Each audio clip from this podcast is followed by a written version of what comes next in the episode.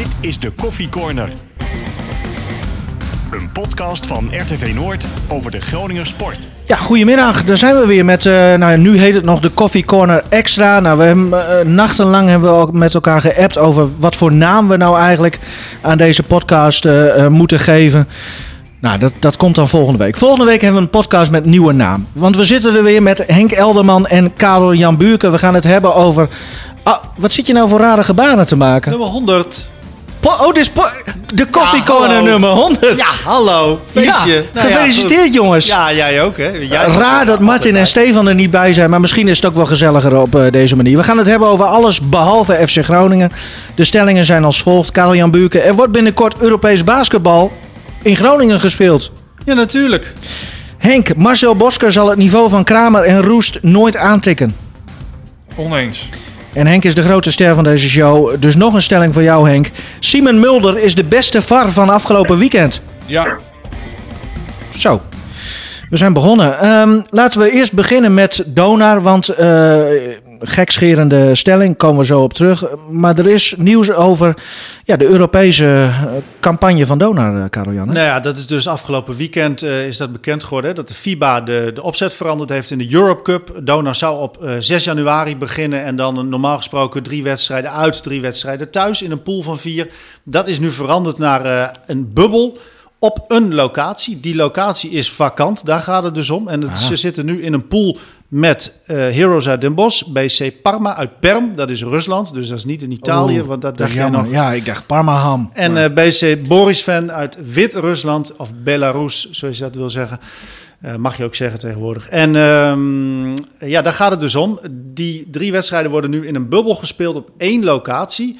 En naar we hebben begrepen is Dona dus ook een van de, de clubs die zich kandidaat heeft gesteld voor die bubbelwedstrijden. Nou, laten we het erover hebben met eh Gert-Jan Zwaving, secretaris van het bestuur van Donar. Eh, goedemiddag, mooi, mooi dat je in kon bellen, eh, meneer Zwaving. Ehm, ja, jullie hebben je Goeie- kandidaat gesteld. Nou, dat is nog niet gebeurd, maar dat gaan we zeker doen. Dat is absoluut de bedoeling. En, en hoe gaat dat dan?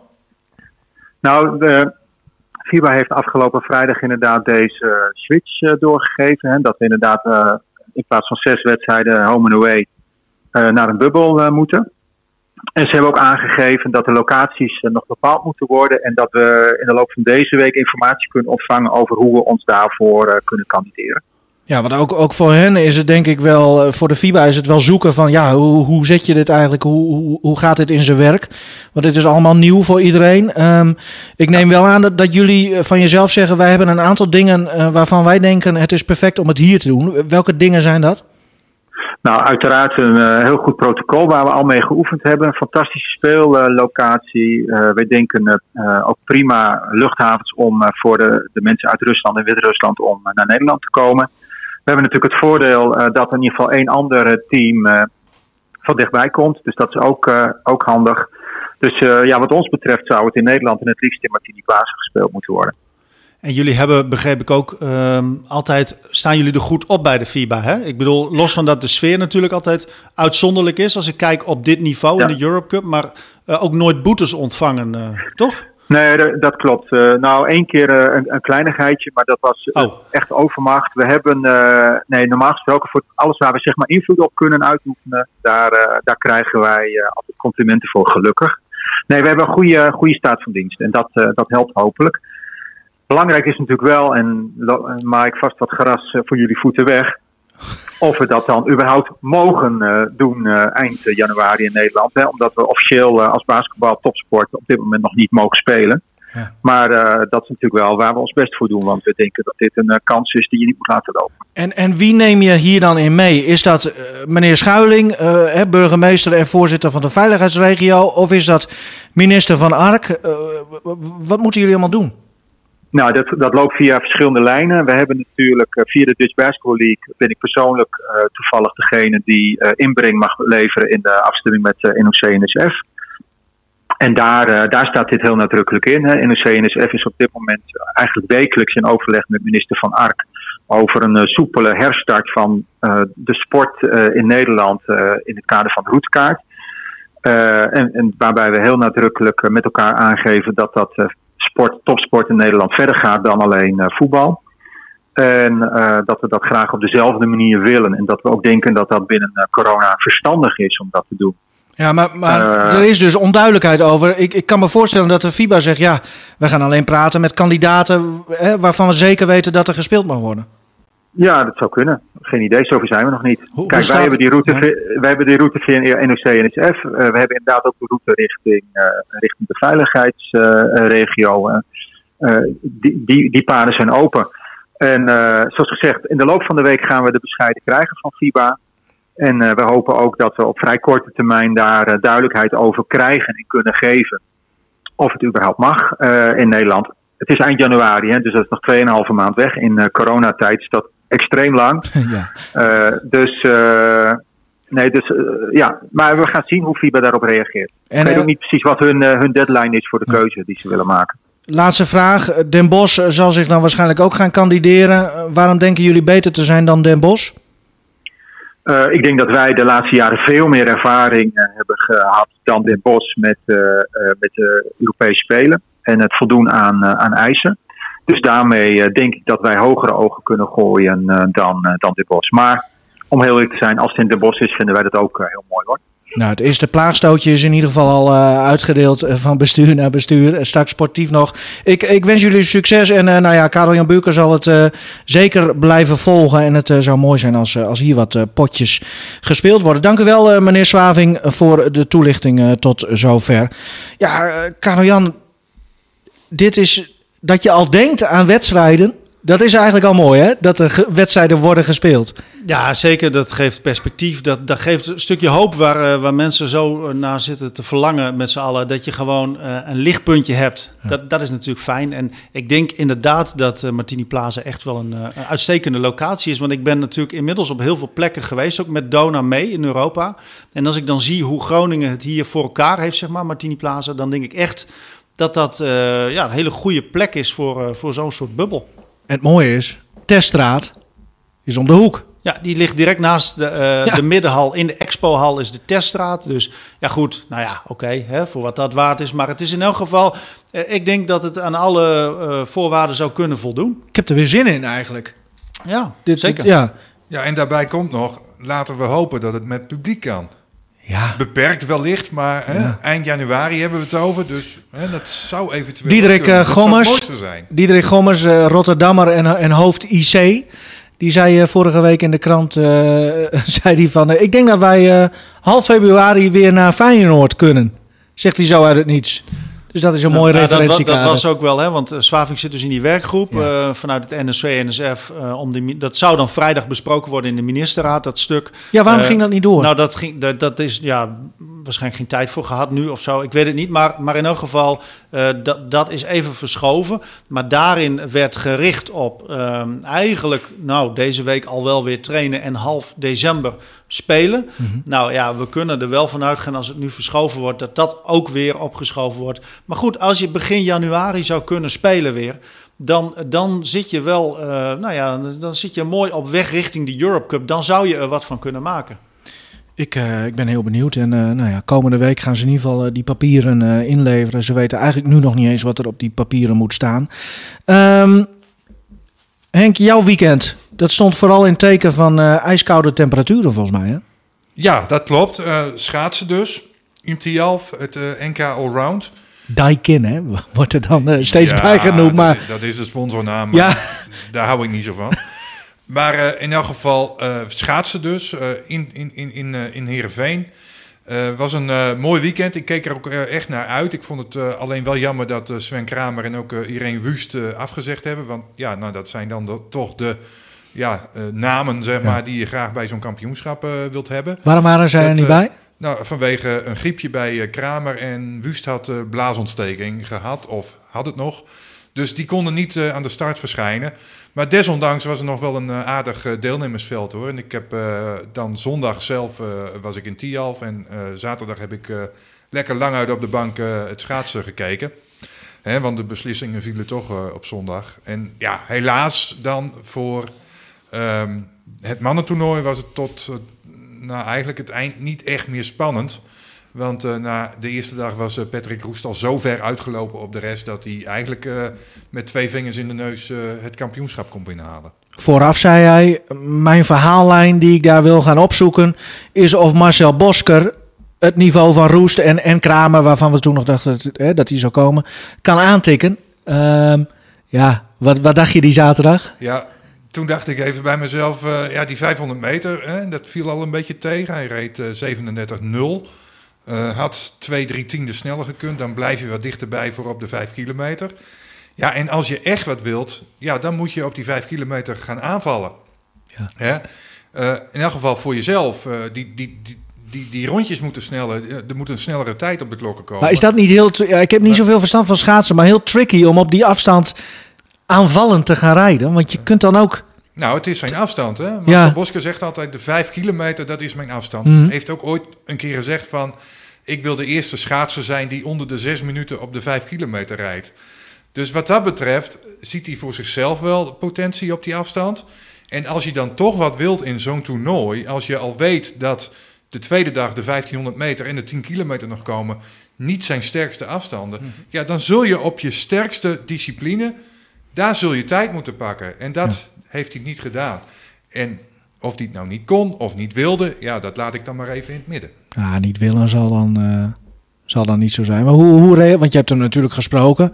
Hoe keek hij dan eh, aan het eind van het weekend daar tegenaan, wat hij had gepresteerd? Nou ja, hij moest toch concluderen dat hij eh, nog lang niet zo ver is... dat hij roest kan, kan bijbenen.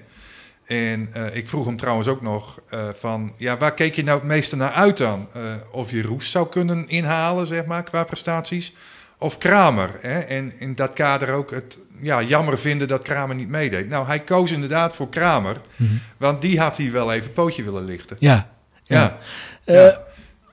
Nu had jij ook nog een, mooi, hè, want, want dat gaat dan allemaal om het sportieve. Wat Ja. natuurlijk, hè, daar gaat het Ja, uiteindelijk daar gaat om. het uiteindelijk maar je had om, voor, maar- voor deze podcast had je een ander fragment uitgekozen, hè? Ja, dat klopt. Want eh, na afloop dan wordt eh, iedereen gehuldigd. Zowel de vrouwen als de mannen, het eindklassement. Ja, en het gekke is dan dat die in één keer tweede is, Bosker in dit geval. Maar zijn vriendin Melissa Wijfje, die is dan ook tweede. En daar worden dan allerlei foto's van gemaakt, zeg maar, van dat, van dat podium. Ja. En eh, ja, dan sta hij daar een beetje op anderhalve meter afstand eh, in coronatijd. Ja. Terwijl dat eigenlijk helemaal niet eh, nodig is. Bij die ik, twee niet. Nee. dus ik, ja, in het gesprek, zeg maar, aan het einde kwam nog even de volgende vraag van mij. Nou, die, die komt op mijn telefoon, maar die komt verder nergens te hangen hoor. Alleen als, ik, als, ik, als Melissa en ik samen winnen, dan komt die ergens te hangen, anders niet. Maar je had bijna op hetzelfde treetje kunnen staan natuurlijk, hè?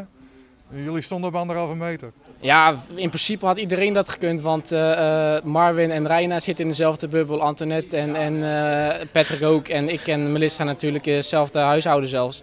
Ja, had, had gekund, maar volgens de, van de jury mocht het niet. Nou, dat snap ik ook wel. Zij moet ook gewoon aan die regels voldoen. en wij allemaal, dus dat snap ik ook. Jij trots op haar, zij trots op jou? Hoe werkt dat? Oh, ik denk dat de beide gewoon eh, ja, normaal trots zijn. Maar weet je, zij had beter gekund en ik heb ook beter gekund. Dus ik denk niet dat we, dat we nu eh, dolgelukkig thuis zijn straks van eh, we zijn tweede geworden. Nou, gaat het ooit nog gebeuren dat jullie samen op het hoogste treetje staan? Dat hoop ik wel. Dat zou wel mooi zijn. Dat lijkt me wel mooi. Ik hoop dan ook gewoon in de Volte 11. Ja, nou dat sowieso. Maar, maar als je dit zo hoort, eh, Henk, die hele schaatswereld, iedereen doet het met elkaar, hè? Daar lijkt er wel een beetje op van afstand, inderdaad. Ja. maar het valt wel mee hoor. Valt wel mee. Oké. Valt wel mee. Wat, wat nog wel even aardig is om aan te halen, hè? jij mag het ook even invullen voor mij. Maar, maar wie zijn Marvin en wie zijn Reina en wie zijn Antoinette en wie zijn Patrick? Nou, Antoinette eh, weet ik. Ja, ik betrapte mij er zelf ook op trouwens in het gesprek met eh, Marcel, eh, Ja. wat vanmorgen uitgezonden is op, eh, op de radio. Dat ik ook al zei van, eh, ja, waarom was je niet sneller dan Patrick bijvoorbeeld? En Jij zit helemaal al in dat wereldje. Ja, ik zit helemaal een beetje, in, ja, ik ben een beetje vastgeroest, merkte ik. maar af en wel eh, objectief blijven, Henk, hè? Ja, nee, absoluut. Je moet niet meegaan met de sporter. Je moet altijd afstand houden. Je moet, als het even kan, ook geen telefoonnummers hebben van sporters. Nee? Je moet ze niet bellen. Je moet ge- eigenlijk gewoon weer op nul beginnen. En een goed voorbeeld daarin is Bert Maalderink, verslaggever van de NOS. Die Ja. heeft geen enkel nummer van welke sporter dan ook. En begint altijd weer lekker op nul. Het zij bij het schaatsen, het zij bij het Nederlands elftal of bij welke sport dan ook. Het werkt af en toe wel goed. Ja, het is, ja nou, hoe kijk jij er tegenaan, Karel-Jan? Want jij bent altijd wel iemand die nadenkt over regels hè, in de journalistiek. En, en wat kan wel en wat kan niet. En afstand houden, maar toch ook weer niet. Hoe kijk ik wapensysteem tegen? Oh, Ja, nee, ik oh word- sorry. Je gebeld. Nou, ik krijg hier een berichtje van Hossein Gambari. Ja. eh, dus, want die zouden wij bellen. Ja. Maar die app mij nu net, want het contact moesten we even houden. Dus eh, dat hij nu rijles heeft. Oh. Oh, ik dacht dat hij niet door de eh, douane kwam of zo. Maar, Maar ik, ik snap nog niet. Volgens mij kan hij niet. Maar dat, Hij dat kan is niet. wat ik eruit opmaak. Dat hij rijles heeft en daarna dus moet hij trainen. Oh, Oh, nou ja. Maar hij zegt nu weer even een moment. Dus het is een beetje... Ah, weet je wat? Weet je, Ik- we bouwen de spanning We even bouwen de spanning op, ja. Want eh, inderdaad, eh Hossein Gambari heeft, eh, die, die heeft zijn verblijfsvergunning hier gekregen. Heeft er vijf jaar ook op moeten wachten. De, de Iranier van Lycurgus. Maar nog even naar Henk, en dan, dan zijn we klaar hoor, met, met de schaatswereld. Want ik had die stelling voor ja, jou. hè. wilde snel af, hè? Ik, ik wil er even snel nee, nee, maar, maar Bosker, want dat is wel een interessant verhaal. Gaat dat wel lukken? Zie jij wel die potentie in Bosker? Ja, zeker wel. Zeker wel. Maar kijk, ik moet daar wel bij aantekenen dat hij is een generatiegenoot van Roest. Ja. En Roest is nou al dusdanig ver dat hij Kramer kan verslaan. En daar is Bosker nog lang niet aan toe. Mhm. Maar hij zegt van, ja, ik doe dat heel langzaam. En hij wordt dan ook wel een beetje eigenwijs in dat gesprek. Van, ja, heb ik haast dan? Maar dat is toch leuk? Dat, juist? zei hij letterlijk, Ja. zeg maar. En dan wordt hij een beetje, ja, wat wij zeggen in het Gronings, eh franterig, weet Ja, je wel. Een ja. beetje, hè, dan, dan zegt hij niet meer zoveel. Normaal gesproken is hij heel erg, ja, lang van stof wel, best wel.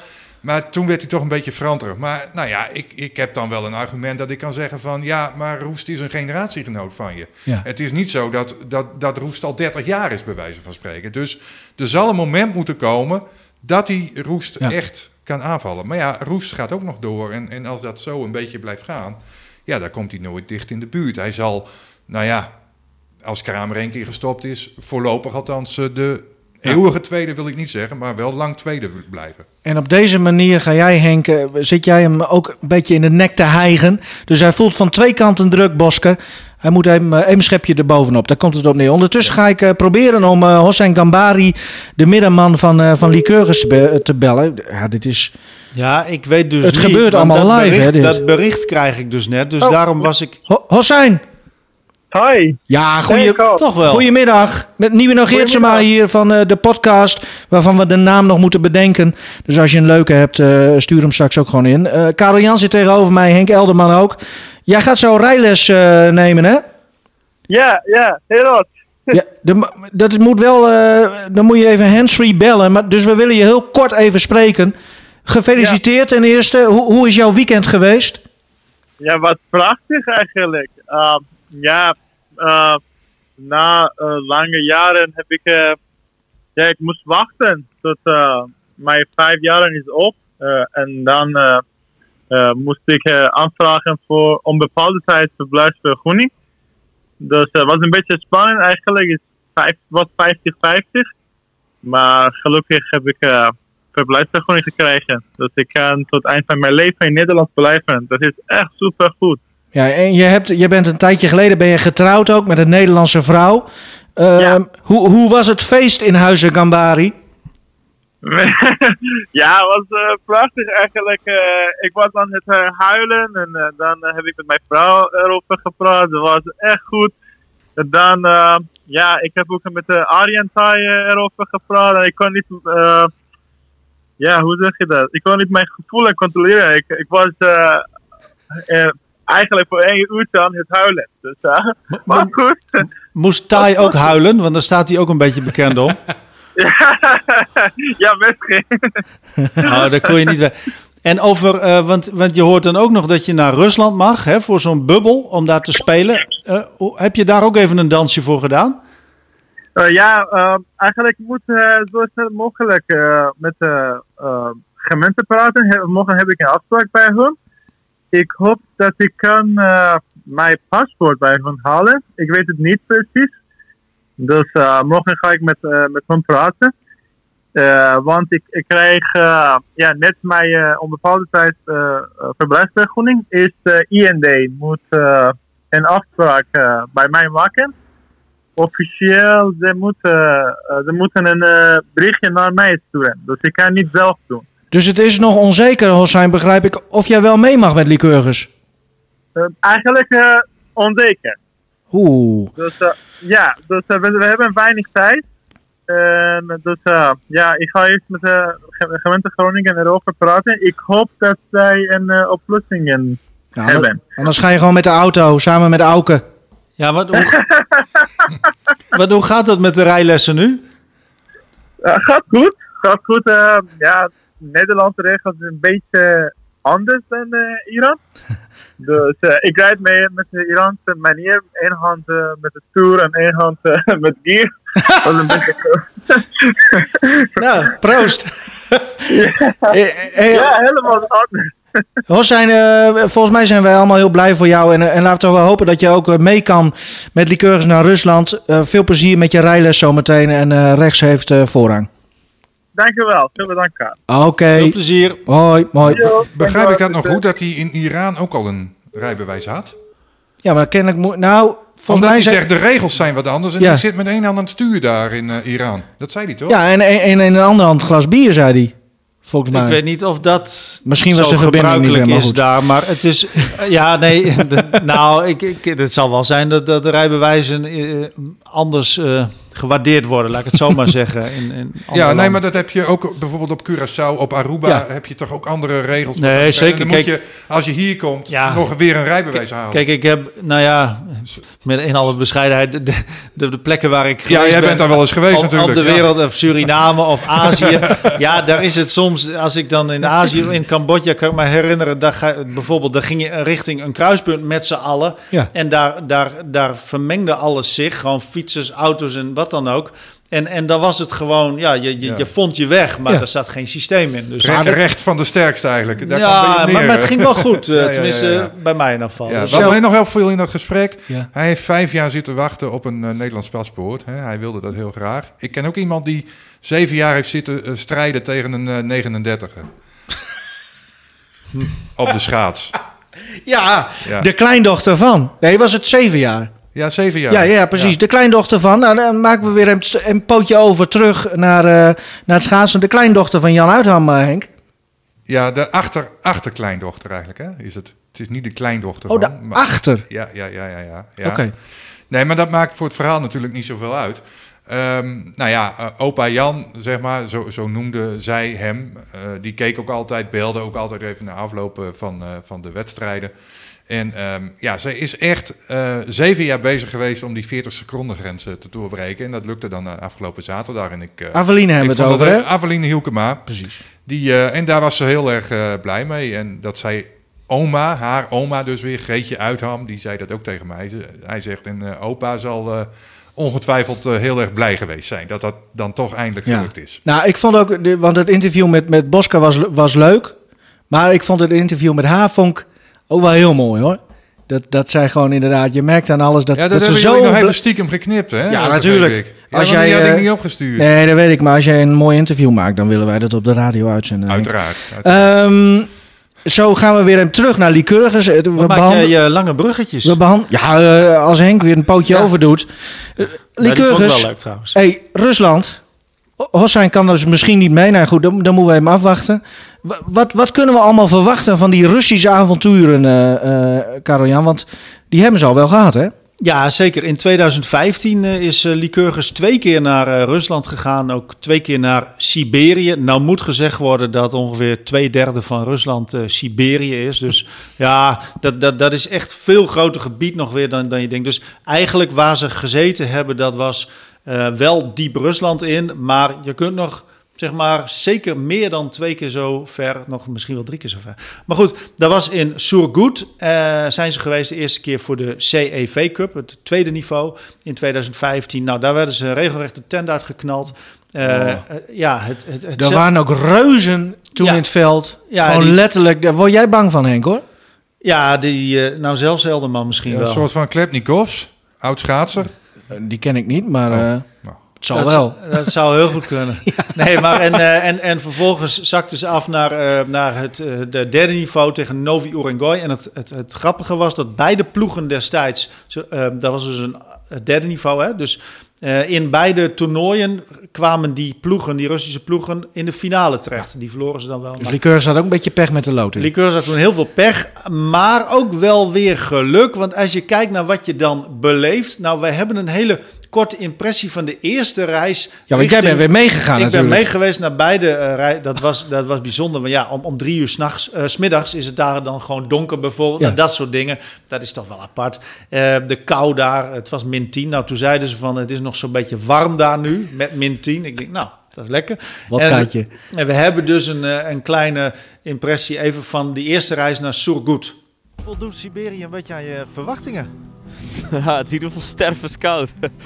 dus uh, ik weet niet hoe, koud nu wel niet is, maar uh, ik sta hier nu 10 minuten met jou. Maar, uh, Yesterday a Russian plane. Nee, dat moet je niet zeggen. Oh, Oké, okay, sorry, I won't tell that. Ja, fantastisch. Dat, uh, dat doet mijn gemoedstoestand wel heel erg veel rust. ah, vliegangst. Het is, toch, dat is toch het is een groot woord? Dat zat je niet helemaal lekker. Nou, vliegen is niet gelijk mijn ding, daar ben ik heel eerlijk in. Hello guys! Nou, hij heeft het niet nodig. I wish you a, a good play in Russia. Nou, dat is wel een hele goede ploeg hoor. Zolang ik nu bij Liqueurs ben en uh, de verhalen die ik daarin meegemaakt heb, is dit wel echt by far de beste ploeg die we ooit uh, in een Europees verband hebben getroffen. Ja, ik begin al lekker uh, af te koelen hier. hoe zit het met jou? Ik uh, sterf. Schiet op. ja, voor wij zijn we klaar. Nou, heel goed. Mooi. Wat kan die taai klagen, zeg? Ja, dat was wel mooi. Wij namen dat interview buiten op. En uh, dat was dus inderdaad uh, lekker fris, wat ik net zei. en uh, het, het, stukje dat we tussendoor hoorden, dat was van de, de pep talk van Mark Bouwmans. Ja. Toen voorzitter en ook gelegenheidsspeaker trouwens bij Liqueurs. Maar en nu burgemeester van Doetinchem. Die, die was toen even een pep talk aan het houden in de bus. En de dag daarvoor, dat is natuurlijk tragisch, maar kwamen er meer dan 200 mensen om bij een, een vliegtuigcrash bij een Russische vliegtuigmaatschappij. Um, En die dacht van, nou, ik ga ze even moed inpraten door, door daaraan te refereren. De, de dag daarvoor, hè. Dus je hoorde de hele bus ook zo van, waar is die man mee bezig? En, uh, en, en Tai was toen nog jarig trouwens. Toen kreeg hij die prachtige grijze muts die wij wel eens terugzien uh, keren op ja, de foto's. Ja, zo'n berenmuts is ja, dat, hè? Ja, die kreeg hij toen dus uh, als cadeautje. Is er voor hem gezongen in de bus op weg daar naartoe op 1 november. Uh, en nou ja, dat was dus een hele bijzondere trip eigenlijk uh, in meerdere opzichten. Maar, maar die, die Bouwmans die heeft Ty dus eigenlijk ook zijn vliegangst aangepraat.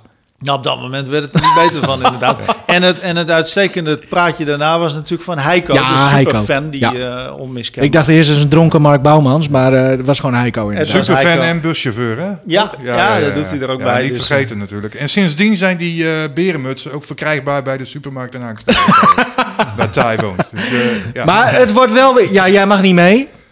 Heb je het er nog wel geprobeerd? Nou, of? Weet ik, eigenlijk heb ik daar nog niet naar geïnformeerd. Maar ik vermoed, dat was toen ook met Dona zo ja. uh, op Cyprus, dat daar verder geen ander journaal bij mag. Maar um, ja, goed, ik, dat weet ik eigenlijk nog niet. Maar ik denk het niet. Maar dit zijn wel mooie avonturen, hè? Nou, nou, om, te meer omdat ik dus nu voor de vierde keer een, een cursus Russisch volg. Oh ja. Dus ik, ik zit helemaal, ik ben helemaal in dat Russisch. Dus Echt? Een wodkaatje bestellen gaat al. Uh. ja. ja, ja, ja. Nou, dat, dat, uh, hij is ook een keer met Joop, Joop Gal in Oekraïne geweest. Daar heb ik ook foto's van gezien. Uh, dat kwam allemaal wel goed, die wodkaatjes bestellen. Um, Oeh, ja. ja. Met Joop in Oekraïne. Was het, daar gaan we het ook nog wel een keer, was, uh, ja, kunnen we het ook nog een keer over. Nog een keer. En dan doen we ook een keer een fotootje doen we dan weer op nee, de site. Oh nee. nee. Nou, je kunt niet alle foto's elke keer erbij doen, uh, Ja, maar Joop drinkt toch alleen maar bako's? Of, uh, nou, oh, maakt helemaal op een gegeven moment niet meer uit. Weet je, ach, nee. maar je moet ook een beetje in, de, in zo'n cultuur opgaan. Hè? Je kunt ook niet, je kunt daar niet uh, geheel onthouden zijn natuurlijk. Nou, maakt het eigenlijk niet zoveel uit trouwens dat jij niet meegaat. Wat nou dan? Ja, we hebben een, een, een reporter in het team zelf. Ja, dat klopt. Dat klopt. Maar ik, goed, oké, okay, nou bedankt. Maar je hebt helemaal gelijk. Dat klopt. Ja, ja. Auke die, die, die vlogt voor ons natuurlijk. Auke van de Kamp. Dus dan zullen we eind december zal het dan in, in de aflevering die dan online komt, zullen wij uh, denk ik een heel mooi reisverslag krijgen. Nou, dat sowieso. En we hebben ook alweer, ook al gebeurt er niks hè. Als in nee. geen wedstrijd. Covid Cup. De Covid Cup. De, de, de spelers van Lycurgus hebben toch elke keer weer uh, kleine competities intern, zeg maar, om zichzelf te vermaken. Want ook ja. deze, deze week hebben we natuurlijk weer een, een aflevering met Auke. Uh, op donderdagavond publiceren, de laatste donderdagavond van de maand publiceren we die. En, uh, ja, gaan we, gaan we dat weer halen? Dat gaan we weer halen. Daar gaan we ons best voor doen. Daar zitten we altijd samen op, op te zwoegen. En oh, verschrikkelijk. Het is altijd weer. Nee, maar het is wel heel leuk. Ja. En je krijgt een inkijkje in het team. En ik zag nu weer nou, de COVID Cup, dus, hè, dus een soort volleybalcompetitie eigenlijk. Daar hebben we beelden van. Uh, we hebben ook de winnaars even belicht. Maar je krijgt ook een inkijkje in eh, nou ja, je- je- we zien van alles. Even kijken. Er was er nog een competitie met ehm, een soort van eh, pull-ups. Dat ze zichzelf optrekken. Zag ik ook voorbij komen. Ik heb nog niet al het materiaal bekeken. Eh, en een, bijna een letterlijk inkijkje in het ondergoed van Auken, zeg maar. Maar dat Wat? Ja, was op afstand. Dat Ja, kon dat hoef ik ook niet te kon zien. ik niet zo goed zien. En ze zijn met, met baarden en snorren bezig en zo. Dat is in november. Oh. Lekker zo. En november staat ook wel bekend als Movember. En zoals je ziet, groeit het als kool bij mij. Ook bij Sam is het 9 november nu. Zie je hier, de zwerver. ja, I improvise on the spot. I'm already recording. Yeah, let's go. How do you feel, man? It's amazing, you know. Yeah, I need more. I need more. I don't even have a second question yet, man. Nou, daar gaat hij hoor. Is het... Nu moet ik even Ja, heel goed ja. nadenken. Maar wie is die vrouwenstem bij Auken van de ja, Kamp? Nou, daar moeten we eigenlijk nog achter zien te komen. Maar wat daar dus gebeurt, daar krijg ik dus in de verte een bijna inkijkje in zijn ondergoed te zien. Namelijk, ja, hij toont aan in de verte hoe koud dat water is. En dat Oh, doet hij God. met het gebaar van, kijk eens hoe Ja. koud. Maar je, wees niet bevreesd, er is eh, uiteindelijk, het is een kuise eh, versie, dus het komt wel goed. En het begin, dat klonk ook een beetje gek misschien. Dat was, eh dat kan ik nu wel prijsgeven. Oh, nou, nee, weet je. Nee, mensen doen we niet. Nee, mensen moeten gewoon even Donderdagavond komt hij komt hij online hopelijk. En uh, Auke kent geen schaamte, dus dat is altijd weer, eh, weer een stukje vermaak. Ehm EK Judo nog even. Ja, ze deden allemaal niet mee, de Groningers. Maar toch even kort. Want het gaat natuurlijk nog wel ergens om voor Grol en Polling. Ja, in die zin, nu gaat het niet per se echt ergens om. Maar het is natuurlijk nog steeds een Europees kampioenschap. Hè? Dus de, de prestige, nou, de, uiteindelijk is dat het belangrijkste natuurlijk. Daar sport je voor. Alleen, zeg maar, richting de Olympische Spelen van volgend jaar eh, heeft dit geen betekenis. Maar wat wel interessant is om te zien, want Grol deed niet mee in de klasse tot 70 kilogram. Maar Sander van Dijken wel. Die staat nog wel boven haar op de wereldranglijst. Of de Olympische ranglijst. Maar dat heeft weer te maken met blessures van Polling eigenlijk. Want als je reëel bent, dan is Polling veel sterker. Dat zie je dus aan punt 1 dan de onderlinge verhoudingen. 5-0 in het voordeel van Polling tegen Van Dijken. Maar goed, dan zegt dat niet alles. al, Hè? Je, je hebt ook nog te maken met, met punten dus op zo'n ranglijst. Maar je ziet ook dat toen Polling er weer bij zat, eh, toen ze weer ging judoën, toen, toen bereikten ze steeds de finale van grote toernooien. De Masters eh, eh, won ze, wat echt een groot toernooi is, door in de finale ook nog Sanne van Dijken te verslaan. Dus ja, dat zijn wel signalen dat Polling echt wel de sterkere is. Eigenlijk datzelfde geldt wel voor Henk Grol, durf ik te stellen, in de klasse plus 100. Daar heeft hij Roy Meijer, die nu mee heeft gedaan met de EK eh, in de klasse plus 100 dus. Maar die werd in de eerste ronde op straffen uitgeschakeld. En ik moet zeggen, ook als je kijkt naar de palmares... Ro- Roy Meijer heeft best een goed seizoen gehad, eh, of goed jaar gehad vorig jaar. Waardoor men een beetje is gaan twijfelen misschien van, goh, wie zou er nou sterker zijn? Maar als jij over de langere periode kijkt, dan zit Grol voortdurend bij eh, de top. En, en nog steeds, hè, want hij won de Grand Slam van Parijs begin dit jaar nog. Hmm. Dat zijn echt de allersterkste. Dat is een ontzettend hoog aangeschreven toernooi. En Meijer die heeft incidenteel nu, had hij brons op het WK, wat echt wel goed was. Eh, vorig jaar, maar eh, Grol zit er veel vaker bij eigenlijk. Dus, dus in die zin, ehm, als je bijvoorbeeld vergelijkt eh, de EK-medailles, Grol versus ehm, eh, eh, Meijer. Meijer heeft één keer een bronzen plak gehaald. Eh, Grol drie keer goud, drie keer zilver, twee keer brons. Weet je? Ah, Kijk, als je dat soort zaken bekijkt, drie keer WK zilver, twee keer Olympisch brons, dat is Ja. Grol. En Ra- Meijer heeft. Had jij niet een keer een aanvaring met Meijer? Nou, het is wel, dat was wel grappig. Bij zo'n persconferentie, er wou, hij wou even stoeien. Ik weet niet waarom, er was ook niet echt een aanleiding voor. Maar hij, hij, hij, zei- ineens, ik weet niet, misschien, ik, ik sprak hem aan en oh, wil jij ook even stoeien, zei hij, zoiets. En, en, Maar hij is groot, hè? Hij is wel vrij groot, dus ik ga ook niet zeggen dat hij niks kan. Het is een goede judoka, maar ik geloof echt wel dat Henk Grol duidelijk de betere is. Wat jou betreft blijft die anderhalve meter regel nog wel even eh, gelden. dus, Ja, oh. dat is prima zo, hoor.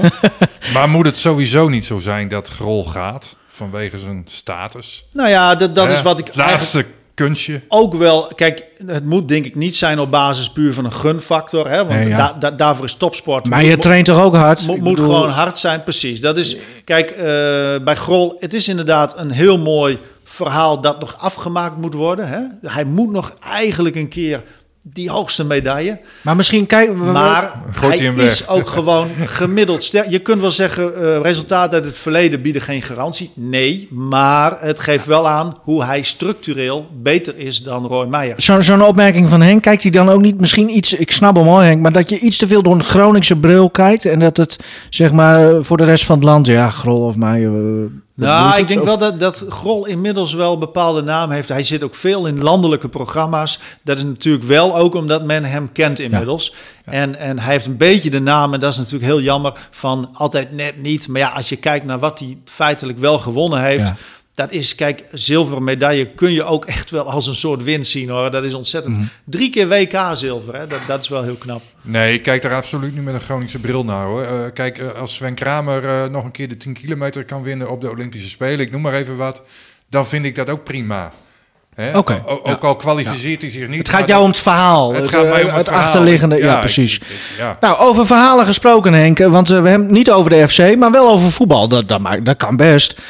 Oldambt, we hebben het vorige week ook al even aangestipt. Hè? Eh, er is een boek uitgekomen Ja. over 100 jaar voetbal in Oldambt. Ja, nee, En jij niet was- over 100 jaar Oh, voetbal. gewoon de geschiedenis. Over, over de voetbalclubs in Oké. Rotterdam. Er zijn er 13 in eh, totaal. Eh, er is ook al een aantal dat niet meer bestaat eh, in Toldamt. Maar eh, afgelopen zaterdag was de presentatie van het boek. Er waren duizend exemplaren gedrukt. De schrijver is trouwens David Stolk. Ja. Zijn vader Kees die heeft ooit nog wel eens wat gedaan hier bij Noord. eh, Met- Strun ja, met Stolk. Met wandelstok en witte hond. Ja, nou, was een heel mooi programma, vond Ja. ik. En nou, ik denk dat dat boek ongeveer van hetzelfde kaliber is. Ja, ik heb hem voor de helft gelezen inmiddels. En eh, daar staan allemaal mooie verhalen in. Ook interviews met, met bekende voetballers uit die streek. Maar ook gewoon mooie anekdotes over het voetbal in het Oldambt. En nou ja, ik ben, ik ben daar even geweest natuurlijk. En ja, natuurlijk kwam ik daar een oude bekende tegen. Want dat was Hans Nijland. Die kreeg het eerste exemplaar van dat boek. eh, Waarom Hans? ja, waar, waarom? Ja, ik snap het ook niet. Die, want, Arie Haan moet toch... eh, ja, eigenlijk wel. Die is daar opgegroeid eh, in Finsterwolde, bij WVV gevoetbald en noem het allemaal maar op. Jan Mulder, misschien hetzelfde verhaal. Ja. Woont ook nog in die streek in Nieuwolda, ook bij WVV gevoetbald. Maar Hans Nijland was uitgenodigd om, om daar dat eerste exemplaar in ontvangst te nemen. En ehm, ja, nou ja, ik, ik had eerlijk gezegd ook geen idee. Want ik vroeg mij af van, wat heeft Hans Nijland nou met het voetbal in Toldamt? Nou ja, hij had dat boek gekregen en hij zei daar natuurlijk weer wat moois over. Hans, bij deze. Het eerste exemplaar voor jou. Ik signeer hem straks even. Is goed? Ja, als dan niet En Hans Schut mag ook niet. Nee, kijk, alsjeblieft. Dankjewel. Dankjewel. Nou David, ik neem dit, eh, dit eh, het is geen boekje, het is een boek. Boek. Een boek. Neem ik eh, graag in ontvangst. Ik moet je zeggen dat ik er trots op ben dat jij mij gevraagd hebt of ik het eerste exemplaar eh, zou mogen overhandigen. Hè, want na mijn zeg maar, periode bij FC Groningen eh, ja, ben ik nou toch wat meer op, eh, op de achtergrond. Dus dit valt niet mee om voor al deze eh, eh, massa media, om hier dan toch weer zo'n optreden, optreden te doen. Ja, ik heb natuurlijk heel veel met, met amateur, amateurvoetbal. Hè. De meeste mensen kennen mij uiteraard van eh, de periode FC Groningen. Maar ik heb ook eh, in, een, in een heel grijs verleden een, eh, een, een, een, een redelijke, redelijke periode gehad binnen het amateurvoetbal. Hè. Ik ben eh, een kraai, hè. eh, Ja. altijd gevoetbald bij eh, de voetbalvereniging HSC in Hoge Zand Stappenmeer. Niet zo ver hier vandaan. Hè, gevoetbald vroeger wel tegen WVV, eh, tegen Bato en, en, en alle mogelijke clubs hier in, in, in de regio. Ja, en als ik heel eerlijk ben, dan vind ik het amateurvoetbal, maar zeker het, het jeugdvoetbal, dat vind ik het allermooiste eh, wat er is. Het mooiste is, vind ik altijd, is, dat is die derde helft. Ja. Daar refereer je net ook al leepjes aan. Hè, even kort ouwen over de wedstrijd, een biertje erbij, een balletje gehakt. We hopen dat dat heel snel weer, eh, weer eh, Ja. terugkeert. Ja, ja. hey, dit is Hans op zijn best, hè? Ja, ja, ja. Ja, Dit mooi. moet je ook gewoon helemaal laten horen, hè? Ja. Niet in knippen, heb ik wel gedaan, hoor. Kan ook niet. Bij Hans kun je nooit knippen. Nee, dus niet te doen. hij heeft Heb, wel heb, eens heb, eh, hoor. heb, heb ik wel eh, stiekem even gedaan natuurlijk. Ah. Anders wordt het eh, allemaal veel te lang. Nee, De- wij hebben de, de langste eur van Nederland. Dat is de langste eur die ik ooit heb gehoord Ja. trouwens. Dus dat valt te knippen. Die heb jij toch altijd als ringtoon? nee, die had- Nee, die had ik als ringtoon. Oh, Ja, En toen, toen, toen, Ja. toen stond ik een keer naast hem en toen werd ik gebeld. ja, dat is raar. Ja, Maar goed, eh, ga door. Eh, Hans, Hans eh, over Oldambt. ja, hij was in vorm, hè? Hij was in vorm, jongen. Ja, maar er is één Als voetbal- camera als bij. voetballer was hij nooit in vorm, maar als hij moet praten, dan is hij altijd in Ja, topvorm. ma- massamedia. Massamedia. Ja, Ja, mooi. Nou ja, er waren tien fotografen, ik was er en, Ja. en, en, en nog een aantal mensen. Nou ja, Nee, maar dan Hans groeit, is dan altijd groeit nog wel Hans. in trek. Ja, precies. altijd nog wel in trek. Dus in die zin snap ik dan ook wel weer dat ze het boek aan hem... eh, Ja. hè, Ja. Maar Maar hij is natuurlijk nog altijd wel op de achtergrond ook bezig her en der. Hij heeft nog een uitgeverij en noem het allemaal maar op. Dus hij drukte mij ook meteen weer het a- amateurconvenant van FC Groningen in de handen natuurlijk. Heeft hij het uitgegeven, het boek? Nee, hij niet. Nee, oké. nee, nee, nee, nee, nee. Hij, hij had een, eh, de nieuwe amateurconvenant Ja. eh, van, van de provincie Groningen en, da- en, da- en daaromheen. Allemaal clubs die bij FC Groningen, zeg maar, eh, of een band hebben met Mhm. FC Groningen. Dus eh, die drukte hij mij meteen natuurlijk eh, in handen. Ja, eh, handige kerel natuurlijk. Maar hij had ook nog een nou, klein primeurtje. Ja, heel klein primeurtje. Ehm, want er wordt over hem ook een boek Ja. geschreven natuurlijk. Ja. En dat eerste exemplaar, dat komt op 7 februari uit. De eerste druk is klaar op 7 februari. En heeft hij Ehm, jou gevraagd of hij het aan jou mag uitreiken, zeker? Nee, nee, nee. Oh. Misschien komt dat nog. Maar eh, nee, Eh, hij zei er wel bij. trouw- Ik heb altijd een goede relatie gehad met de media. Dus eh, dat, dat, dat moet goed komen. Dus ik verwacht eigenlijk wel een uitnodiging. Maar nu hoorde ik zojuist van collega Stefan Bleker... dat op diezelfde dag ook het boek over Erik Nefland eh, wordt eh, gepresenteerd. Wat is dit nou weer Dus voor amateurisme? het, eh, ja, dat, ja, dat- of ze doen het samen. Dat, dat, ja, dat zou ook nog wel kunnen. Dat, ja, die kans Ja. is... En dat dan Nefland het boek ontvangt Ah, van Hans ja, kan ook en zo heen en weer. Jongens, ik bleef nog even- Hebben we het toch nog over de FC, nou, hè? Dus Ja. 7 februari, eh 40 hoofdstukken, eh 300 pagina's. En nou ja, als ik Hans mag geloven, Ja. dan doet hij eh, wel eens eh, even wat, eh, wat, wat, wat, nou ja... eh, staat daar wel wat in, zeg maar, wat nog niet iedereen ah, dat weet. zegt hij altijd. En dan komen die verhalen over Suarez weer en hoe die, hoe die is gehaald. Ja, en, over altijd een goede relatie met de media. Hij wilde een keer mijn ticket naar huis betalen toen, ik op, toen ik mee was op trainingskamp. Ja, maar dat was terecht. En, eh, ja, ja, ja, ja, ja, ja. Nog even kort en, en dan zitten we ook alweer aan de, aan de drie kwartier om in, in voetbaltermen te blijven. Ehm, Nee, niet. Oh, wat? Ja, niet in voetbaltermen. Ja, gewoon, Maak er een mooie judo-term van. Oké. Ja. Volgende keer. Volgende Die keer. pootje over vond ik leuk. Ja, die was een pootje over, maar dan terug. Ehm Simon Mulder, want ja, nee, maar goed. Die, die, die man, we hadden hem vorige week hem behandeld en eh, hij zou dan vaar zijn. Maar hij heeft last van zijn Achillespees. Ik weet niet of het rechts of links is, maar, maar rijdt hij dan zelf daar naar dat hokje? Of... Ja, hij gaat zelf naar Zeist. Maar dat is toch eh, levensgevaarlijk? ik, eh, ik had nog even contact met hem eh, de afgelopen dagen. Ik zeg van, eh, hoe is het? Alweer een beetje fitter? Ja. Ja, zegt hij, het, nou, het, ga, het, ga, het gaat wel. Dus ik, ik zeg, maar kun je dan wel alleen in de auto naar, naar Zeist? Hij zegt, ik ben niet verlamd. Dus, nou ja, dat, dat was Simon Mulder, even kort. Ja. Eh, verder nog... Hij was wel goed, Simon, hij, hè? Hij was eh VAR bij RKC tegen eh Heerenveen. En... het Je wordt helemaal emotioneel ervan. Het is alsof Mooi. de duivel ermee speelt. die scheidsrechter in die wedstrijd, ik weet niet wie het was. Nachtegaal of zo. Nee, die Oh, was dat was weer een ander. Ja, ja, klopt. Die scheidsrechter geeft een rode kaart aan een speler van Heerenveen. En eh, dan zegt die verslaggever of die commentator bij Studio Sport, Jan Roels was dat in dit geval. ehm, ja, Simon Mulder is de VAR en hij laat het erbij of hij kijkt er niet naar. Ik heb toch een beetje de indruk dat ze altijd even die naam van Simon Mulder moeten noemen. Het is ook een mooie Als naam. het gaat om de scheidsrechter of de VAR. Ja. Nu was hij natuurlijk ook VAR bij die wedstrijd. Hij zat in Zeist mee te kijken. Maar ja, toch. Hè? Ja, nou, ik, eh, dan moeten we het Ik even voor hem prima, hoor, opnemen, dat, dat, Henk. Dat dat dan genoemd wordt. Want nou ja, misschien wilde Jan Roels daar ook mee aangeven van... nou, die VAR hoeft niet te kijken, want dit is gewoon rood. Klaar, de scheidsrechter... Ja, nou ja, ik, vind, ik vind het wonderlijk hoe dat gaat in het voetbal. Dat we eerst met z'n allen zitten te zeuren om er moeten VAR komen, er moeten technische hulpmiddelen en dan is zoiets er en, en dan is er weer gedoe. Heb je, gezien, heb je Ja, PSV dat Twente gezien? Of moeten we daar nu... Nee, dat gaan we niet we doen. gaan het er niet over. maar ik vind het bijzonder. In allerlei andere sporten werken die, die technische hulpmiddelen ook. Ja. En die extra, die toevoeging, ja, die maakt het in principe, geeft het meer mogelijkheden. Maar ja, het is weer niet goed. Er moet wel een paar goede mensen achter die knoppen zitten. En daar was Simon... maar eh, dat hou je dan dus Simon toch. was gewoon goed. Want hij liet Ja. de scheidsrechter gewoon zijn ding doen. En dat eh, kon je op de andere velden eh, eh, niet zeggen. Dus Simon, helemaal top. Man van Zo de is week. het wel. Ja, man van de week. Zo is het wel. Hey, jongens, we, zitten aan het eind. Ehm, ik heb nog wel even, want ja, we zijn nu natuurlijk met een nieuwe podcast begonnen. Ja, dan kan ik natuurlijk niet om hem heen. Ik moest het sportgeweten van het Noorden wel hem vragen wat hij ervan vond. Dat er een nieuwe sportpodcast in het noordelijke podcastlandschap Ik is. ben heel benieuwd.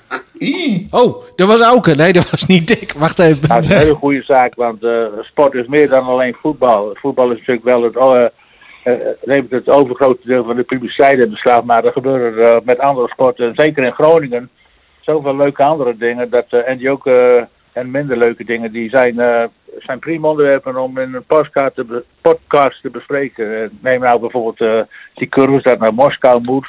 Nou, dure reis. Ze hangen aan de latten. Wie betaalt dat bijvoorbeeld? Eh Donar, dat weer graag wil spelen, maar ja, geen kans krijgt. Tom Jout de Slachter, waarvan ik al jaren geleden beweerde dat hij niet echt meer op kan brengen om profielrenner te zijn. Als de knoop Dick, doorgaat. Dick, als ik dit zo hoor, dan zie jij voor jezelf ook wel een grote rol in die podcast weggelegd, of niet? Nou, ik, ik, ik, ben er wel een prima persoon voor, ja, in, in alle bescheidenheid. Ik zou er best een keer, eh, net als bij Drenthe, gewoon aan tafel willen zitten. Of in, in dit geval via de eh, telefoon erbij zitten. Dus ik zie die, die, die allround podcast, ja, ik, zou ik wel wat, wat, eh, wat kunnen betekenen, ja. Dat denk ik wel. Met mijn grote algemene kennis van de sport. Er kennen weinig sporten in de Groningen waar ik niet over mee kan praten. En ik heb hier dus geknipt, hè, want hij ging nog door. Ja, maar heerlijk toch?